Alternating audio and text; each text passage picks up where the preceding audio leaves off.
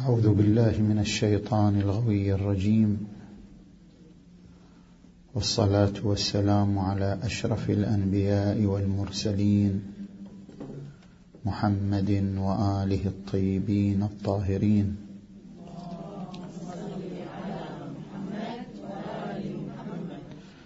بسم الله الرحمن الرحيم.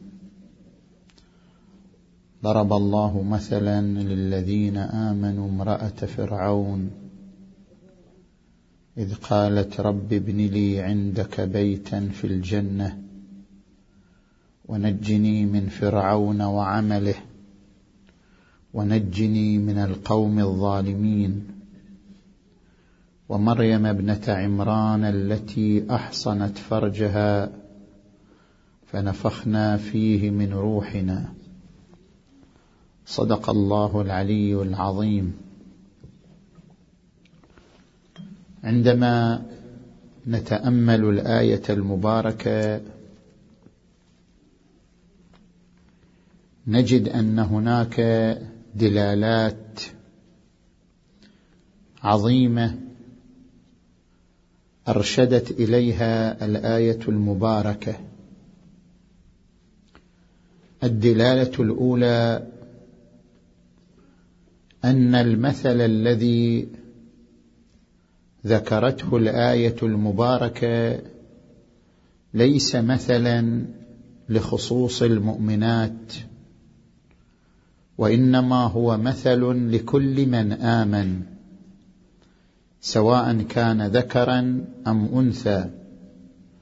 حيث قالت الآية المباركة ضرب الله مثلا للذين آمنوا ولم تقل ضرب الله مثلا للمؤمنات أو ضرب الله مثلا للإناث أو للصغار وإنما جعلت امرأة فرعون آسية بنت مزاحم مثلا لكل من آمن سواء كان رجلا أم امرأة كبيرا أم صغيرا.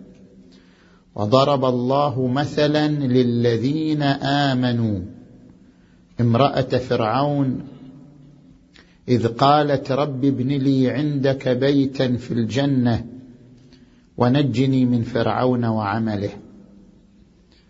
الدلالة الثانية للآية المباركة أن الآية اهتمت بالقضية الأولى لدى كل مؤمن. قد يتساءل الإنسان ما هي أهم القضايا وما هي القضية الأولى بالنسبة للمرأة؟ ما هي القضية الكبروية التي لا بد أن تعتني وتهتم بها المرأة؟ هل هي الحجاب؟ هل هي العفاف؟ هل هي الأمومة؟ هل هي الأخوة؟ ما هي أولى القضايا وأهم القضايا التي يفترض بالمراه أن تتحلى بها وتتزين بها؟ القرآن الكريم يرشدنا إلى أن القضية الأولى للمرأة هي المبدئية. المبدئية قبل العفاف قبل الأمومة قبل الزوجية الصالحة قبل الأخوة الصالحة. هناك قضية هي أهم القضايا هي قبل القضايا كلها وهي قضية أن تكون المرأة ذات مبدأ. وهي القضية الأولى للرجل كما هي القضية الأولى للمرأة. وهي القضية الأولى لكل مؤمن كما هي القضية الأولى لكل إنسان ذي عقل وذي فطنة أن يكون ذا مبدأ. لأن من كان ذا مبدأ تفرعت كل حركاته وسكناته على مبدئيته. من كان يملك مبدا لن يتحرك إلا في ضوء المبدأ. لن يتعامل مع الآخرين إلا في ضوء المبدأ.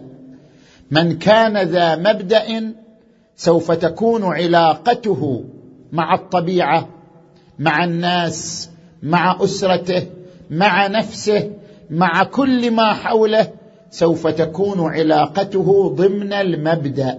لن يحيد عن مبدأه ولن يتنصل من مبدأه. لذلك آسية بنت مزاحم لم تكن مثلا في الحجاب أو العفاف أو الأمومة وإن كانت هي امرأة عظيمة في عفافها وفي زوجيتها. لكن القرآن لم يجعلها مثلا في ذلك جعلها مثلا في أولى القضايا وفي أهم القضايا ألا وهي قضية المبدئية.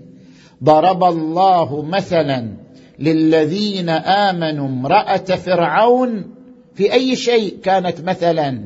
كانت مثلا أنها صمدت على المبدأ ووقفت على المبدأ.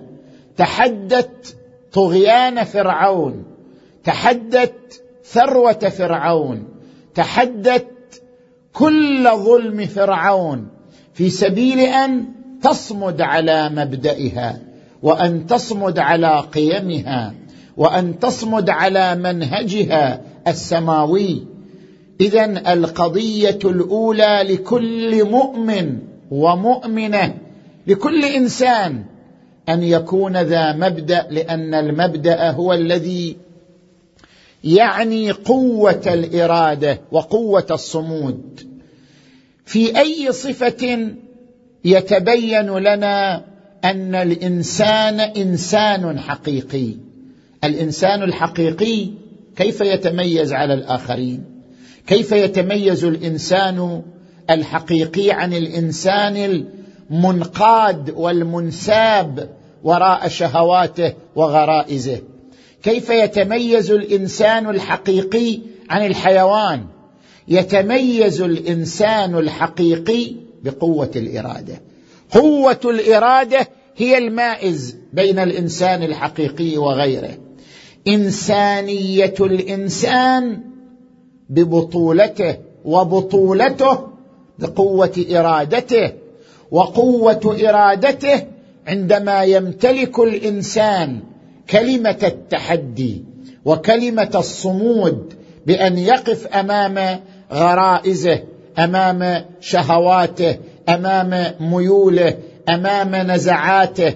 الإنسان الذي يتحدى الشهوات والغرائز والنزعات ويقف صامدا على مبادئه وقيمه هو الإنسان البطل.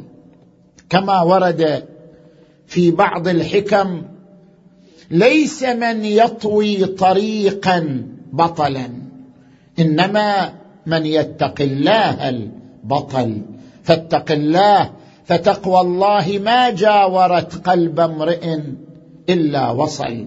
بطولة الإنسان في قوة إرادته.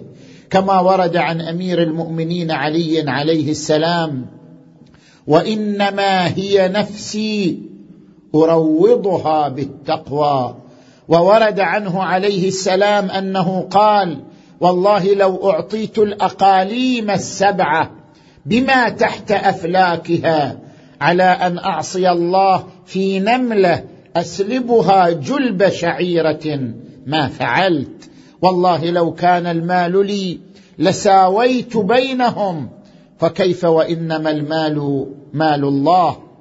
إذا قوة الإرادة قوة التمسك بالمبدأ هي القضية الأولى لكل مؤمن ومؤمنة. لذلك ضرب الله مثلا في قوة المبدأ بآسية بنت مزاحم رضوان الله تعالى عليها وضرب الله مثلا للذين آمنوا امرأة فرعون إذ قالت رب ابن لي عندك بيتا في الجنة ونجني من فرعون وعمله ونجني من القوم الظالمين. الدلالة الثالثة للآية المباركة أن القرآن الكريم أراد أن يبدد مفهوما شائعا في الثقافة العربية منذ ذلك اليوم. أن المرأة إنسان ضعيف ولأجل أن المرأة إنسان ضعيف فالمرأة هي أكثر ميلا من الرجل نحو التنازل. عن مبادئها وقيمها. هناك مفهوم شائع أن المراه أضعف من الرجل في الاستجابة لميولها وغرائزها في الاستجابة لعواطفها ومشاعرها. لذلك البطولة الحقيقية للرجل القوة الحقيقية للرجل. المرأة ضعيفة تستجيب وتنساب لعاطفتها ومشاعرها. أراد القرآن أن يبدد هذا المفهوم. وأن المرأة ليست إنسانا ضعيفا. وأن المرأة إذا كانت مبدئية تستطيع أن تتفوق على الرجل. وأن المرأة إذا كانت على نهج المبدأ تستطيع أن تكون مثلا للذين آمنوا. لاحظوا القرآن الكريم لم يضرب المثل في قوة الإرادة بالرجل. لم يضرب مثلا في المبدئية بالرجل.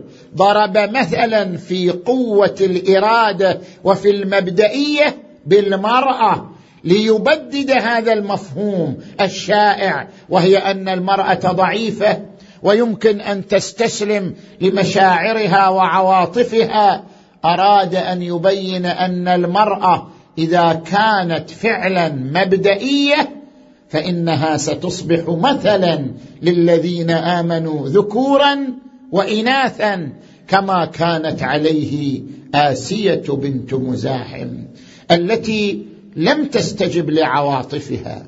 زوجها فرعون سلطان زمانه الثروه بين يديها القصور بين يديها النعمة والترف والبذخ بين يديها وتحت أقدامها فهي أولى بأن تستجيب لعواطفها وأن تميل لهذه الثروة التي تحفها يمينا وشمالا لكن لأنها امرأة حديدية الإرادة لأنها امرأة صلبة تمتلك صمودا ساميا لم تستجب لكل الميول بل قاومتها وأصرت على مبدئها وقيمها وقالت إنني أتحمل كل ذلك أتحمل الظلم والتعذيب والسجن وجميع الآلام في سبيل أن أبقى على مبادئي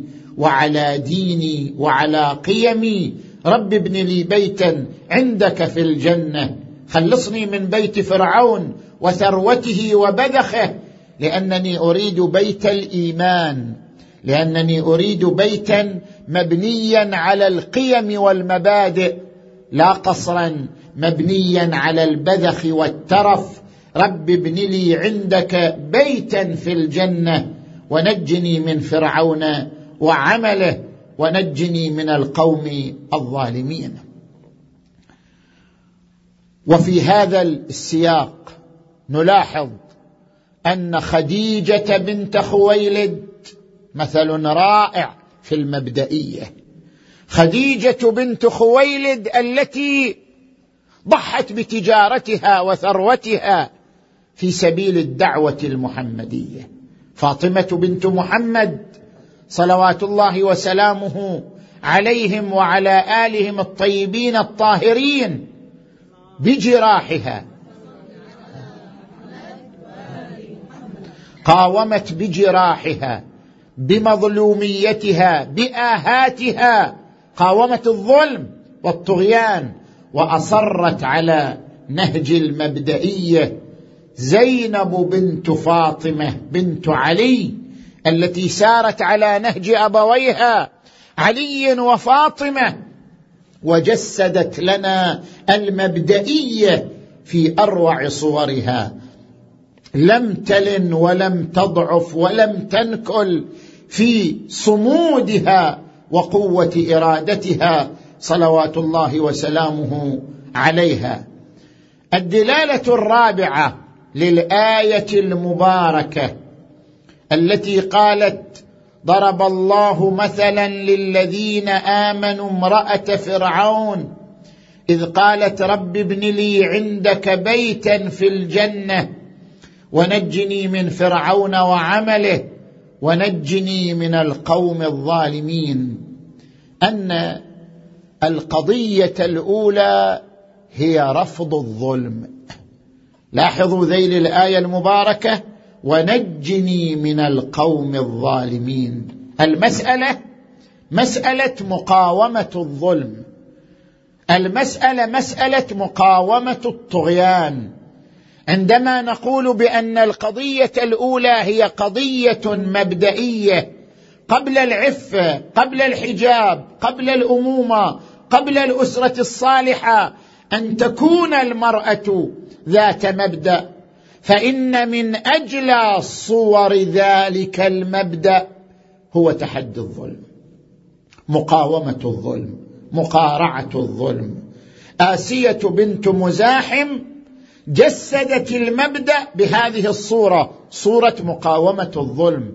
كان فرعون ظالما. لم يكن مؤمنا بالله هذا جرم. لكن كان هناك جرم آخر أنه كان ظالما.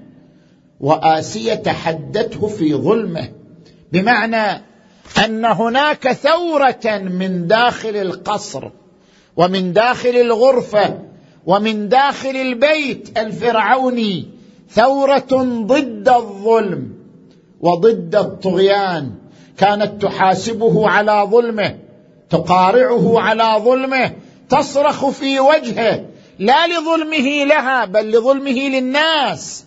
كانت تقاومه على ظلمه للناس فكانت ثورة في بيته وفي غرفته وكانت صوتا مجاهرا بمقاومة الظلم ومدافعته من نفس البيت الفرعوني. وهذا يؤكد لنا أن القضية المبدئية الأولى من أولى بنودها ومن أولى أصولها مقاومة الظلم والطغيان. ثم جاء القرآن الكريم بعد أن نبه على هذه القضية الأولى قضية المبدئية جاء إلى القضية الثانية بالنسبة للمرأة ألا وهي قضية العفة. جعل العفة قضية ثانية. قال ومريم ابنة عمران التي أحصنت فرجها. كلمة أحصنت فرجها كناية عن العفة. القضية الأولى المبدئية القضية الثانية هي العفة. قبل الأمومة قبل الزوجية الصالحة مسألة العفة. ومريم ابنة عمران التي أحصنت فرجها. فنفخنا فيها من روح فنفخنا فيه من روحنا. مريم مثلت العفة. مريم مثلت النبل العفة هي أن لا يكون الإنسان اسيرا لشهوته رجلا أو امرأة. الرجل عفيف والمرأة عفيفة. أن لا يكون الإنسان اسيرا لغريزته. أن يكون الإنسان واعيا حينما يتعامل مع غريزته وشهواته. فأما من خاف مقام ربه ونهى النفس عن الهوى فإن الجنة هي المأوى. وأما من طغى وآثر الحياة الدنيا فإن الجحيم هي المأوى. مقاومة الهوى الذي يعبر عنه القرآن الكريم في قوله وما ابرئ نفسي ان النفس لاماره بالسوء. إلا ما رحم ربي وورد عن النبي محمد صلى الله عليه وآله أفضل الجهاد من جاهد نفسه التي بين جنبيه.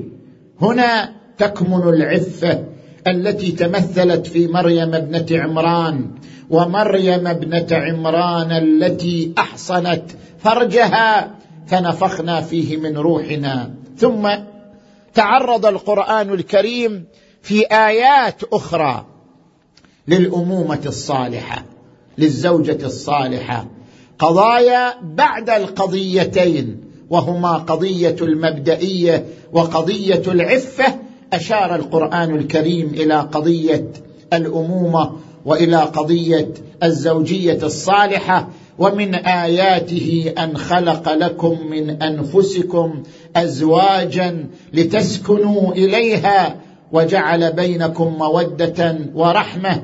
وقال في آية أخرى والذين يقولون ربنا هب لنا من أزواجنا وذرياتنا قرة أعين واجعلنا للمتقين إماما.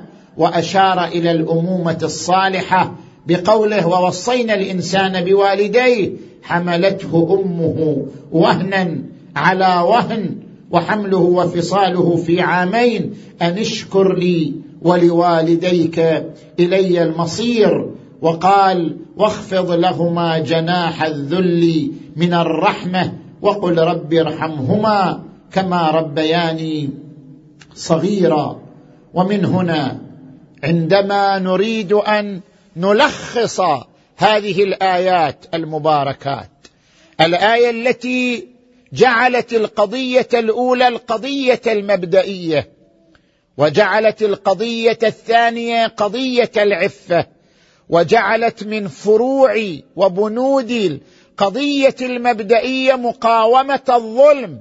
عندما نريد أن نلخص كل هذا لنسأل في من تجسدت هذه القيم المبدئية مقاومة الظلم العفاف. في من تجسدت هذه القيم والمثل العظيمة.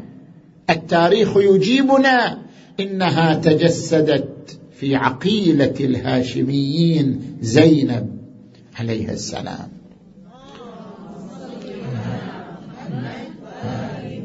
زينب وما أدراك ما زينب.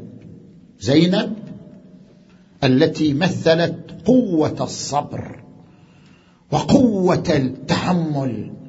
يقول حميد بن مسلم بعد أن قتل الحسين خرجت امرأة من الخيمات تجر أذيالها خفرا وصونا حتى وصلت إلى جسد الحسين. ومدت يديها تحت الجسد الشريف ورفعته قليلا عن الأرض وقالت اللهم تقبل منا هذا القربان.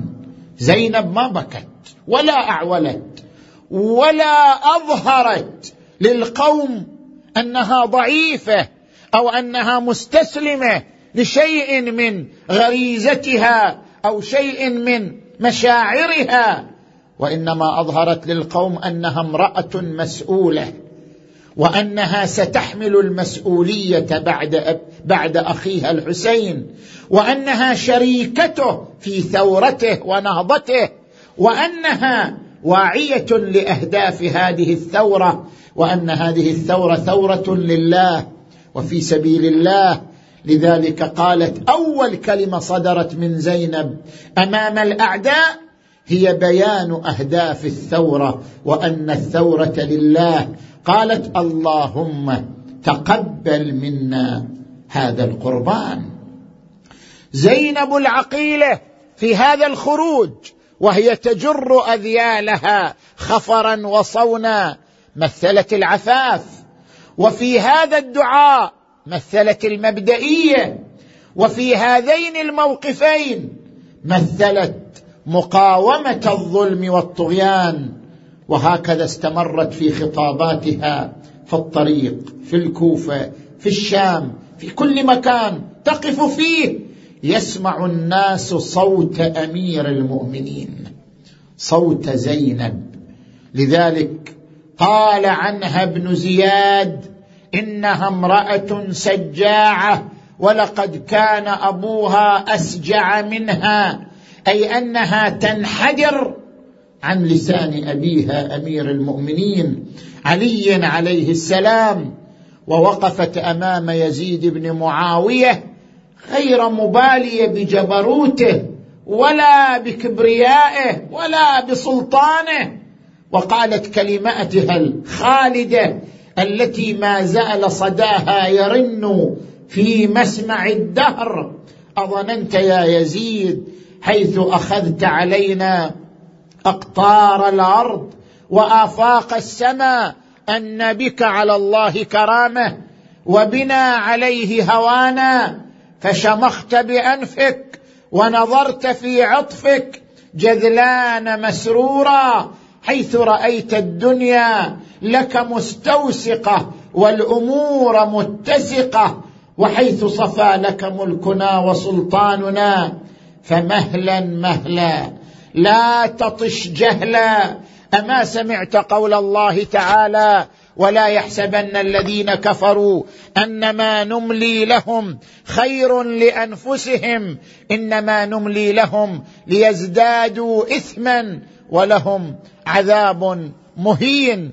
وقالت فكد كيدك واسع سعيك وناصب جهدك فوالله لا تمحو ذكرنا ولا تميت وحينا وإن رأيك إلا ثند وجمعك إلا بدد وأيامك إلا عدد حين ينادي المنادي ألا لعنة الله على القوم الظالمين حشرنا الله جميعا في زمرة زينب ورزقنا شفاعتها وحبانا في الدنيا زيارتها وجعلنا نسير على نهجها ونهج آبائها الطيبين الطاهرين.